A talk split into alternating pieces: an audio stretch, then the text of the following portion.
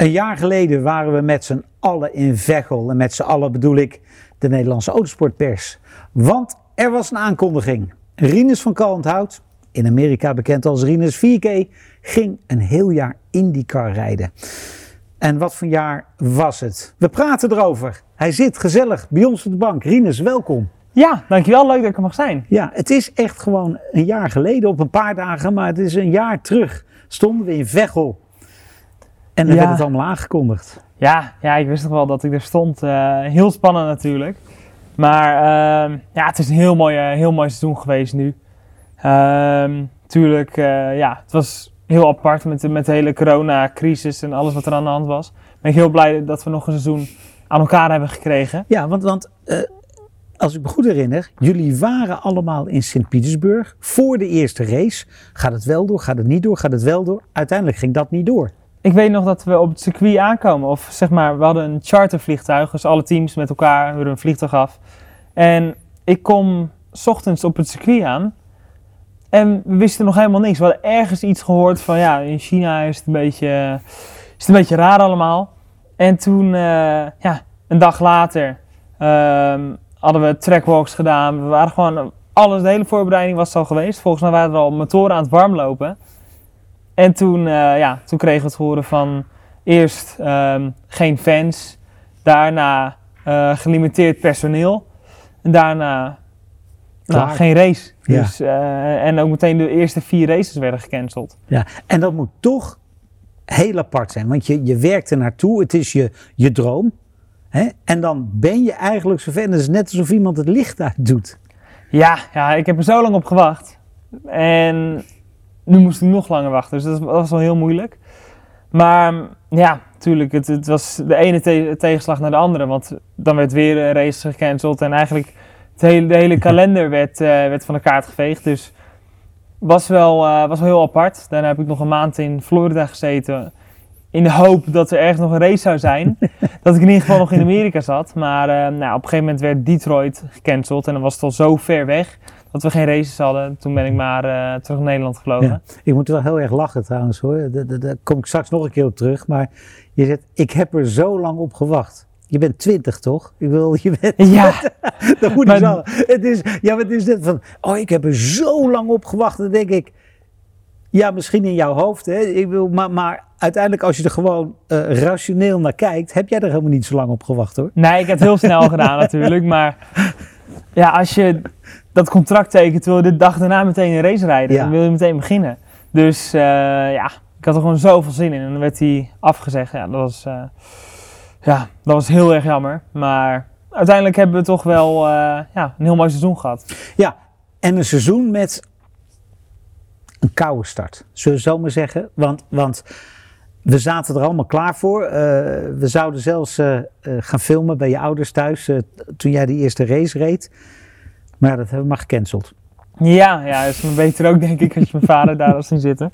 Eh, ja, het ging in rondje 7 al fout in Texas eh, tijdens de training. En eh, ja, toen in de race, ergens in ronde 50, Ja, ging het ook weer mis. Dus ja, dat was een hele, hele nare dag. Want ja maar weet je, weet je dat, dat, dat is ook zo. En, en dan krijg je al die dooddoeners hè, van, van ja, maar je moet ervan leren. En, en, en ga maar door, ga maar door, ga maar door. Het was gewoon stom. Ja, Hè? Wat, Ja, wat er gebeurde. Ehm, het, het was niet handig. Aan de andere kant zou je bijna kunnen zeggen, het was ook logisch. Want je, omdat jij zegt van ik wilde zo graag, je wilde zo graag dat je gewoon ik denk dat ik misschien mezelf, even dat stapje terug. ik legde mezelf iets te veel druk op. Ehm, ik was iets te eager. Ik denk ook eh, ja, iets te jong in mijn hoofd eventjes qua denken. Ehm, maar ja, ook de hele voorbereiding. Ik was twee weken in Mexico geweest. Ja. En ik heb alleen maar gedacht aan Amerika inkomen, en niet Ja. aan racen. Dus uiteindelijk eh, stond me, ja, mijn focus van de verkeerde kant op. Maar ja, eh, toen na die race eh, ja, heb ik wel heel veel ervan geleerd. Ja, want ik weet dat Ed Carpenter of zoiets zei na de race. Van ik heb hem even, even goed door elkaar geschud en even goed de waarheid verteld. En heel eerlijk, daarna is eigenlijk alleen een, een, een lijn omhoog. Ja, ja Nou, dat veel was, lager kon ook niet, maar het was geen leuk gesprek met, eh, met Ed, maar ja, uiteindelijk hij was wel nodig, dat gesprek. Dus eh, nou, heel veel van geleerd. Eh, en ik, zeg maar na die race, na die dag, want eh, het was een eendaags evenement, daarna ben ik ook echt alleen maar bezig geweest van oké, nu gaan we naar de volgende race. Hoe kan ik die fout niet meer maken? Nee, maar het stom is, kijk, het, het, het, het vervelende is dat het gebeurt tijdens je debuut. Want je wil natuurlijk, hè, ik bedoel, je gaat keihard op die ovals. En dan, dan zeg je voor, voor, eh, voor die wedstrijd misschien wel van, nou, top 5 zou misschien nog wel mogelijk zijn. Zeker met Ed, Ed Carpenter Racing, die op ovals gewoon altijd hard gaan. En dan gebeurt dit.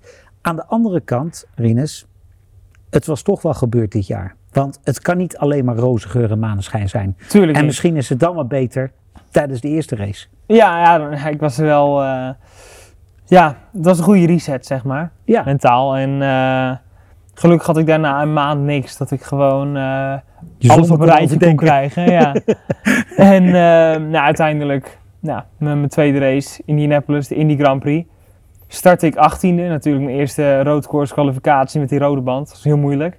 Maar ik finishte wel vijfde. Ja, Dus dat was echt een hele goede race. Ja, even, heel even toch terug naar Texas. Want wat mij wel intrigeert eigenlijk, dat aeroscreen. Kijk, ik ken Indy. Hè. Ik kom er vanaf eh, begin jaren negentig. En je ziet mensen daar. Jij hebt daar ook zonder aeroscreen met, met de Indy Lights gereden. Je, je kop gaat op en neer. Je zit in de wind. Je hoort de wind ruisen. En ineens ja, lijkt het me zo stil en raar. En, en toch ook misschien een, een andere sensatie waar je aan moet wennen. Eh, ten eerste, het is heel heet. Eh, we hebben al een, een slang, die, eh, zeg maar zo'n NASCAR slang op je helm. Ja. Die helpt met koeling, maar het, ja, het is gewoon echt heel erg heet. En ja, qua geluid is het anders, Anders, ja. maar het is meer, je hoort echt meer de pure motor, zeg maar. Dus eh IndyCar is wel een eh, luide motor, dus ja, dat geluid komt overal bovenuit. Dus op zich, het geluid kan je wel aan wennen. En ja, eigenlijk bedoel, het enige is gewoon die hitte. Ja, maar eh, ook de dingen als, eh, hè, wat, wat ik me dan herinner als je, eh, niet op een oval, maar als je met een open auto rijdt en je krijgt een slipstream, dan gebeurt er ook iets met je helm. Dat, ja, ja, dat, is ook waar. allemaal dat weg. heb je helemaal niet meer. Nee, dat is helemaal weg. Dus af en toe heb je wel een beetje circulatie van achter. Ja, Want de zijkanten, zeg maar achter zijkanten zijn open. En de bovenkant. Dus je voelt af en toe wel iets met wind. Maar het is heel minimaal. Wat, eh, wat ook minimaal is, is vaak het eh, verschil tussen pole position en plaats 15 hebben jullie. Ja, ja ehm, volgens mij hadden we in, eh, tijdens de Indy Grand Prix tussen nummer 1 en nou, de laatste zat, zat een seconde. Ja. Dus ja, je maakt één foutje en je staat helemaal achteraan. Maar ook dat is niet desastreus. Nee, dat, is, dat is het mooie van die klasse, vind ik. Je, je, tuurlijk wil je op pol staan. Je wil, je wil vanaf eh, de eerste twee rijen wil je gewoon eigenlijk iedereen je wil opleggen. Maar als je een keer op een 15e, 16e plaats terechtkomt, is het niet meteen allemaal verloren. nee, nee je, je kan echt... Volgens mij eh, heeft Pagino dit jaar een keer gewonnen van P18. Dus het is allemaal mogelijk. En eh, je hebt allemaal verschillende strategieën wat je kan doen. Dus ja, uiteindelijk eh, ja, de beste wint. Dus kwalificatie, het is heel fijn als je vooraan staat. Je bent uit, Tuurlijk. uit de drukte. Eh, En je kan even wegrijden. Maar ja, je hebt toch wel soms een voordeel om niet naar de Fast, naar Fast 6 kwalificatie te gaan. Dat je dan nog een extra set nieuwe rode banden hebt. ja. Ja. lekker hè? Ja, dus het, is, het- ja, het heeft natuurlijk. Je wil zo ver mogelijk vooraan starten. Maar de race is niet over als je achteraan start. Zeg Nee. maar. Hou jij daarbij strategieën? Is dat iets wat je helemaal bij het team laat? Of, of denk je zelf mee? Hoe werkt dat? Eh, hè, dat ze zeggen van, joh, zou je nu binnen willen komen? Je zit in verkeer. Of, of laat je alles gewoon bij, bij de jongens eh, aan de pitmuur liggen? Ehm, ja, die jongens aan de pitmuur hebben toch het laatste woord. Maar ik denk wel heel veel mee. Dus we hebben van tevoren, ehm, van tevoren voor de race hebben we een, eh, een pre-race meeting. En dan gaan we, gaan we over alle plannen. En dan, ja, vaak heb je net, als dat je in het verkeer zit, dan kan je gewoon geen pace blijven rijden. Dat is misschien wel beter om een undercut te doen, dat je op jezelf kan rijden en, ja, en, eh, en tijd kan pakken op de rest. Het heeft bij mij heel vaak gewerkt dit jaar. Dus ehm, ja, dat, Ja, dat volgens is altijd mij, een volgens goede. mij eh, eh, meteen de eerste keer in India al Ja, klopt. Dat, eh, hè, op de roadcourse. Ja. Dat, dat, daar werkte dat fantastisch. Ja, dat werkte super. Maar het team heeft ook, ja, is een best wel goede strategie. Hè? Dus toch, als we tijdens de race kunnen ze zomaar zeggen, ineens twee bochten voor de pitlane. Oké, nu binnenkomen. Terwijl ik op een twee stoppen zit wanneer ik benzine aan het sparen ben. Dus dan ga ik er wel vanuit. Zij hebben alles doordacht. En ik ben gewoon aan het rijden, dus zij kunnen veel meer zien. Ze hebben veel meer ogen vanuit, nou, door de computers heen en simulaties en alles. Dus doe ik gewoon wat zij zeggen en eh, ja, dan uh, zorg dat ik punten binnenhaal. Ja, en, en, en het mooie vind ik dan ook als ik, hey, waar ik eigenlijk altijd een beetje in de, in de Formule 1 van baal, zeker bij een team als Mercedes, is dat bijna alles wordt door het algoritme bepaald. Hè? Het, het, de computer bepaalt twee stops, drie stops wel niet binnenkomen. En bij jullie heb ik het idee dat ook gewoon de pure racer, die zit gewoon te kijken. En natuurlijk heeft hij een computer, maar die heeft een tijdvernemerscherm. Die kijkt op de baan en zegt nu binnenkomen. Ja, ja dat, dat is zeker. Ik heb uh, een man, Woody. Zo noemen we hem. Hij heet eigenlijk Brent. Maar uh, Woody is zijn bijnaam, dus zo noemen we hem in het team. En uh, ja, die, die zit er echt super goed op. En die kan echt, die is er echt heel erg goed in. Dus ja, die, die beslist al die last moment keuzes. Maar de race wordt ook altijd uh, zo lang gemaakt dat je twee of drie stops hebt. Ja. Dus dat niet iedereen dezelfde strategie gaat doen. Nee, je kan, twee stops, je kan twee stops doen, maar dan moet je ergens een beetje brandstof sparen. Ja, dan moet je heel veel brandstof sparen. Zelfs met, mijn, ik weet niet hoe we het voor elkaar krijgen, al is het een 10 stop, zijn we nog steeds benzine aan het sparen. Dus uh, ja, je bent wel altijd benzine aan het sparen, maar met twee stop en moet je echt wel, ja, echt wel tijd laten liggen om, uh, uh, om benzine te sparen. Wie staat het beste in? Wat ik weet, ik denk, Scott Dixon. Ja, dat wou ik net ja, zeggen. Ja. Die, die staat wel voor bekend, onbekend dat hij echt heel goed daarin is. Die ruikt ook altijd tijdens de race een beetje op de vijfde positie. De laatste rondjes, boem, staat hij eerste. Waar hij nou vandaan komt, weet niemand. Nee, knap is dat hè? Heel knap, ja. Dat is toch ook uh, ja, toch een specialiteit. Dat je gewoon altijd op het juiste moment moet zijn waar je moet zijn. Ja, heel knap. Ja, maar dat is ook waarom ik van, van IndyCar hou. Is dat je, uh, het heeft zoveel facetten. Hè? Het ja. is niet alleen maar altijd de snelste zijn. Het is ook op het juiste moment de snelste zijn. Ja. En op het juiste, juiste moment op de goede plek rijden. Het, je, je, moet gewoon zorgen dat je altijd een beetje top 5 rijdt. En dan, dan komt die kans voor de, voor de eerste, ja, voor je overwinning, die, die komt gewoon je kant op. Ja, uh, top 5 rijden is één. Uh, ik zit te denken, uh, heel veel fouten heb ik niet zien maken. Maar als je dan top 5 rijdt, is het niet handig om een pitstop te... Nee, nee. Ik wou een ja, woord gebruiken. Oh, maar... En wat een race ook, hè. Och. Nou, laten we even terug gaan. Nee, we gaan eerst even terug. Want, want um, de snelste tiener ooit op Indianapolis Motor Speedway. Je kwalificeert je als vierde voor je eerste Indy 500. Ik weet nog dat ik... Uh, de avond ervoor had ik je vader aan de telefoon. Hij zegt, en dan moet hij ook nog heel vroeg kwalificeren. Toen zei ik uit een geintje, ik zeg, ja maar er is, dat hoeft, of niet uit een geintje, ik zeg, ja maar A, hoeft dat niet slecht te zijn. Dat is juist goed. Hè?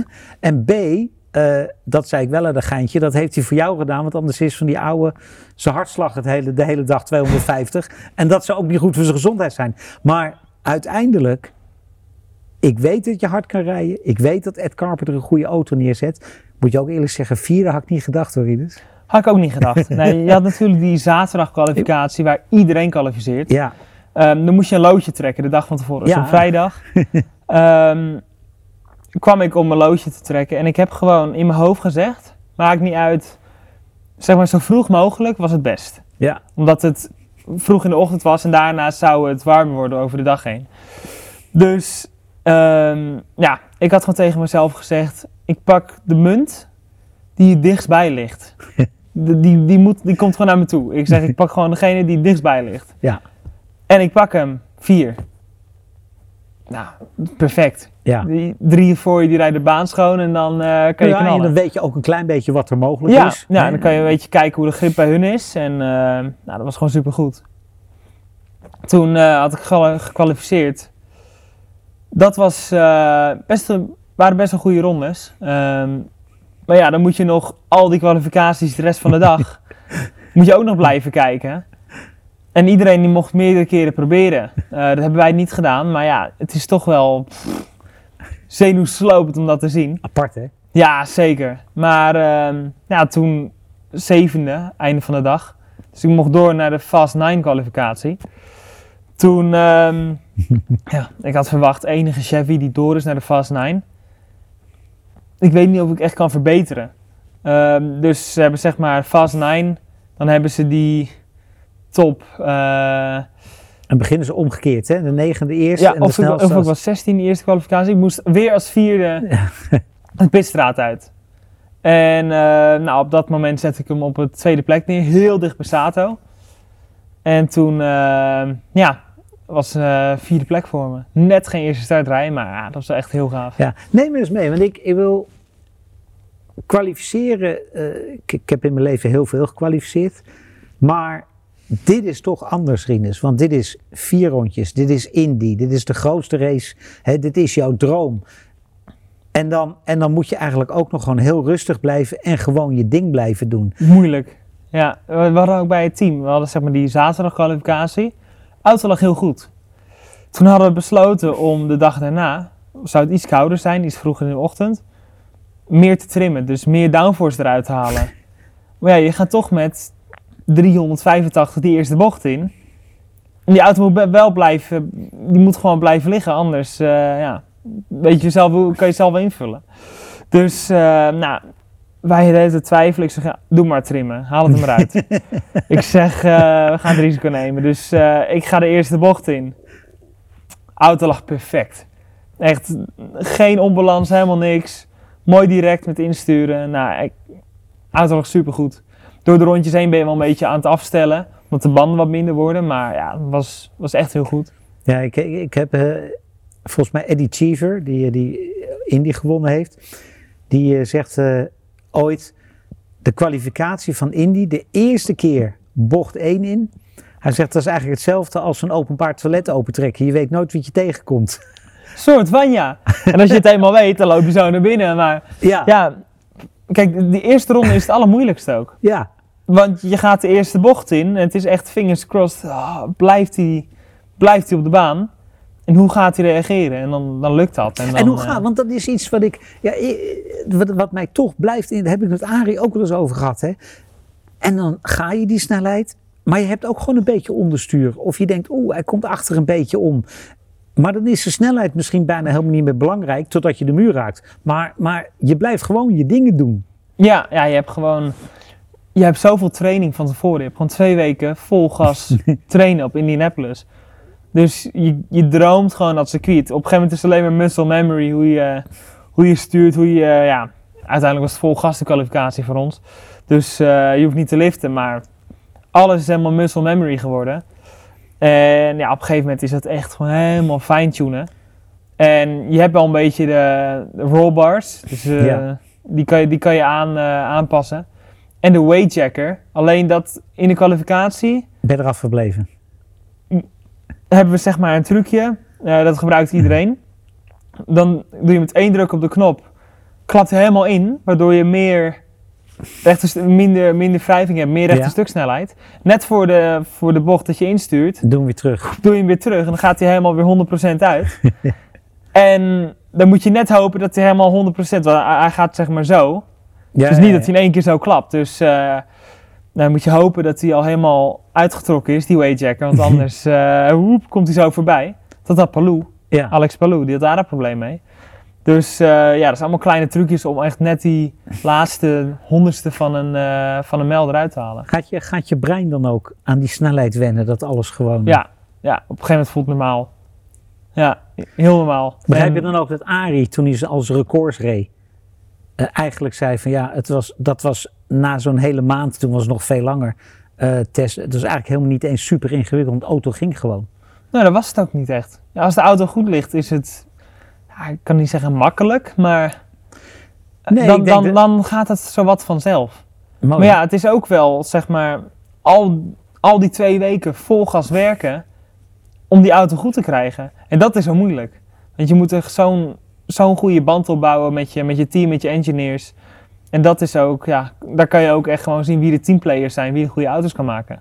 Ja, toen ik, toen ik de laatste keer dat ik op Indy met Arie was, toen, eh eh, toen crashte die. En toen zei hij, ja, eigenlijk was het een beetje mijn eigen schuld. Want we hadden wat veranderd en ik ben te snel, heb ik geprobeerd om de tijd te, te rijden die ik wilde rijden.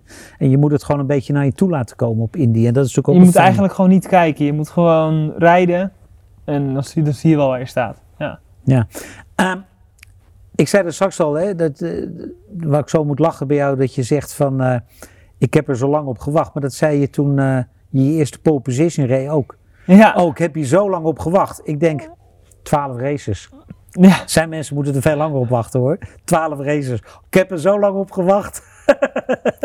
ja weet je wat het was? Je rijdt natuurlijk in de Road to Indy. En daar reed gewoon elke race had op podium. En ik vaak pole, dus het was wel, ja, je wordt er zo wat aan gewend. En is het zo lekker om weer even in de spotlight te staan, om even die pole position te pakken. En dat, eh, ja, dat is dat ook een van de dingen? Dat is, als je, in Formule 1 is het nog veel extremer. Want als je niet bij een, Red Bull of een Mercedes eh, in een Mercedes zit, dan heb je eigenlijk geen kans. Jij hebt nog een kans, maar is dat wel misschien mentaal ook het moeilijkste? Dat je, je rijdt al die klassen in Amerika en in principe heb je iedere week, heb je, of iedere race, heb je kans op een overwinning of een podiumplaats. En nu is dat even lastig, dat je ook af en toe moet accepteren. Het is moeilijk, maar als je kijkt bij een Scott Dixon, die finisht ook een paar races gewoon uit de top 10. Terwijl hij alles geeft, maar dan loopt hij net, slaat hij de plank even mis. Dus, en hij is kampioen geworden. Eh, net als een Joseph Newgarden, die heeft ook moeilijke resultaten. Dus je kan nooit een 100% succesvol seizoen hebben in de IndyCar. Dat is gewoon heel moeilijk. En eh, ja, ja, het is gewoon eh, echt, echt heel moeilijk om, eh, om snel te gaan in de IndyCar. Maar het is zo gaaf. Om de Indy 500 even af te sluiten, want de Indy 500 is toch wel een, een evenement op zich. En ik bedoel dat, dat als je er nou op terugkijkt, wat is er blijven hangen? Indy 500. Ja, Ik vond het toprace. Buiten die ene fout. Want ik had echt een auto. Vanaf achteraf is het moeilijk om te zeggen, maar ik had de auto om te winnen. Eh, hij was beter in race trim dan kwalificatietrim. Dus eh, ik reed op een derde plek. Eh, ja, we stonden super voor. Ja, toen maakte ik die fout. Dat was heel erg zonde. Eh verloor ik twee rondjes mee, maar ja, dat was gebeurd. Ja. En daarna ben ik eigenlijk alleen maar bezig geweest met mijn rondjes terugkrijgen. Is me ook nog één rondje, één rondje heb ik teruggekregen. Eh, ja, wel jammer dat ik die andere er niet uit kreeg. Maar ik heb echt acties gedaan. Die zijn niet, niet van, eh, van buitenaf gefilmd op tv. Waar ik gewoon buitenom zes man voorbij knal. Dus eh, ja, ik vond een van mijn beste races buiten die ene fout. Je, je ziet het bij de Indy 500. Je maakt één fout. En de race is weg. Dus, ja en dan is het zo'n hele lange race, hè, 200 rondjes, 800 kilometer. En dan is het één momentje cruciaal. Eén momentje, ja. Ja. Maar uiteindelijk, jammer dat ik hem in Indy 500 maak, maar ja, het is toch wel een eh, fout waar ik weer heel veel van heb geleerd voor de rest van het seizoen. Ja. En zeker na de Indy 500 heb je die twee weken training. Daarna is het ook veel beter gegaan, omdat ik zoveel meer, zoveel eh, meer vertrouwen in de auto heb gekregen en zoveel beter met team ben geworden. Eh, wat, wat volgens mij, en je moet me maar corrigeren als ik het fout zeg. Wat misschien ook wel een enorm voordeel is geweest vanaf rond die tijd, is dat je eigenlijk in Amerika bent gebleven. Ja, zeker. Alleen. Eh, hè, even volwassen worden noem ik het misschien Ja. maar even eh badinerend. Maar, maar dat is wel, je moest even voor jezelf zorgen. Niet op en neer naar Nederland. Niet even bij je moeder thuis. Mam, maak jij het eten vanavond? Nee, Rinus was daar. Ja, ja. En moest voor zichzelf zorgen. En ik denk dat dat misschien wel eens eh, een van de beste dingen eh, is geweest die jou is overkomen afgelopen jaar. Ja, ik denk dat ik wel echt van een eh, kind naar een man ben geworden. Ehm, ja, ik, ik leefde samen met mijn trainer, Raun. Dus ik was niet helemaal alleen, maar ja, hij is een ex, ex-militair. Dus als mijn bed niet strak opgemaakt was, dan, eh, dan krijg ik problemen. Dus ja, ik moest wel echt alles zelf doen. Ik kon niet even snel eh, een bakje, bakje havermout laten liggen en eh, laten aankoeken. Nee, dat, eh, dat kon ik niet maken. Dus ik, ja, ik, ik maakte daar mijn eigen eten. En nu ook hier in Nederland. Ik volg mijn eigen dieet. In plaats van dat ik afhankelijk ben van mijn moeder die kookt. Of van hoe de was wordt gedaan, doe ik nu allemaal zelf. Ja, ja maar het feit dus eigenlijk dat, dat corona ervoor heeft gezorgd dat jij in Amerika moest blijven, is wat dat betreft misschien wel een, een, een, geschenk uit de hemel geweest. Ik denk het toch wel, ja. ja. Ik, eh, je wordt toch veel, veel volwassener om, eh, om gewoon in je eentje te zijn en zelf met dingen te moeten handelen. Die ik normaal vroeger, ja, zonder ik het in de gaten had, naar mijn, naar mijn ouders toeschoof. Ja. Ja. Ehm, je, je zei net al, eh, in die 500 veel inhaalacties die we even niet gezien hebben op tv. Jouw inhaalacties, ehm, ja, daar kunnen we een lijst van maken. Ehm, want niet alleen waren het er af en toe best veel, maar ze waren ook nooit saai. Nee, nee. ja, ik weet en niet het wat dat is. allemaal net af en toe. Het past echt allemaal net, maar ja, ik doe dat dan en dan, ik denk eigenlijk helemaal niet na. Als ik van buitenaf denk, dan denk ik, ja, het is toch onmogelijk hoe ik dat doe. En in een moment, dan doe ik het gewoon, Ja. zonder na te denken. Dat is misschien ook wat talent, hè? Ja, het gebeurt gewoon en dan ben ik er voorbij en dan, ja, heel cool. ja, heel cool. Dan denk ik van, ja, ik weet geen eens hoeveel auto's ik voorbij ben gegaan. En eh, die ene in Gateway, die nou actie, waar ik echt iedereen buitenom... eh, Dus vlak na Pak. de start. Start of herstart? dat was eh, vlak na de, na de herstart, volgens mij. ja. Toen was bij de start een crash geweest. Maar dat was toen gebeurd. En ehm, ja, ik startte ergens achteraan. Want we, we hadden qua kwalificatie een hele moeilijke auto. En eigenlijk de beste, de beste plek om te zitten in de race qua strategie was op de twaalfde plek. Volgens mij startte ik iets van twintigste. Dus eh, ik zei tegen het team voor de grap, "Au, ik, ik, eh, ik pak wel hier naar buiten om, dan ga ik naar, eh nou, zorg dat ik twaalfde rij, zodat, zodat we dan in die, in die goede window zitten. Dus, nou, ik, ik, eerste ronde, oké, safety car, restart. En ik reed iedereen voorbij en eh, ik krijg zo te horen, oké, ja, je rijdt eh, twaalfde, perfect. Nou, toen hebben we weer zo'n undercut kunnen doen. Toen had ik mijn beste finish van het seizoen tot, tot, eh, tot die Ja. dag. Dat was de vierde plek op Gateway, dus dat was, wel, dat was heel gaaf. Ehm, je hebt ook een jaar achter de rug, eigenlijk zonder druk. Want de druk leg je jezelf, jezelf op, maar eh, het was ook een jaar van ervaring opdoen. Een jaar dat, een raar jaar met, met, met corona. Met... En er komt een nieuw jaar aan. Ja, Hebben we de doelen al bijgesteld of niet? Toch wel, ja. Ehm, natuurlijk, dit was een mooi seizoen. Maar 14 in het kampioenschap is niet waar ik voor meedoe. Eh natuurlijk, ik kan er niet van uitgaan dat ik volgend jaar ga winnen of, eh, ehm, ja, of top 3 ga worden in het kampioenschap. Want met de Edcar Race is dat gewoon heel moeilijk. Maar ik denk, ja, dat top 10 is zeker mogelijk.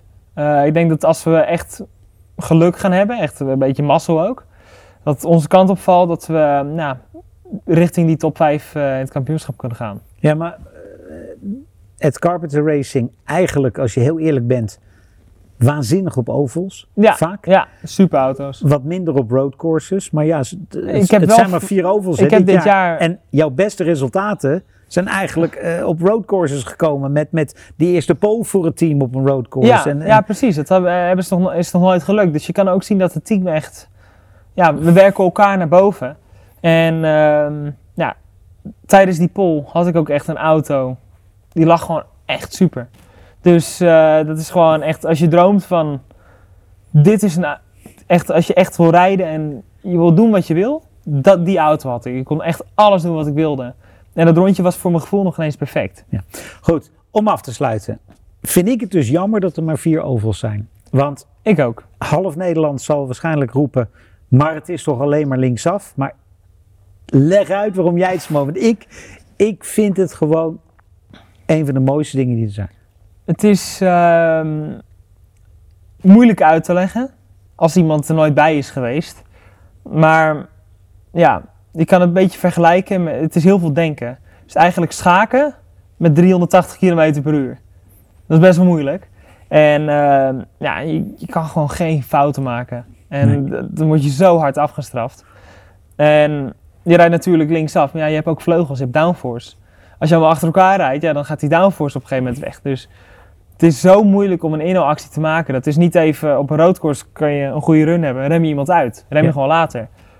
Maar op een oval moet je misschien wel 20, 30 rondes Vooruitdenken. Ja.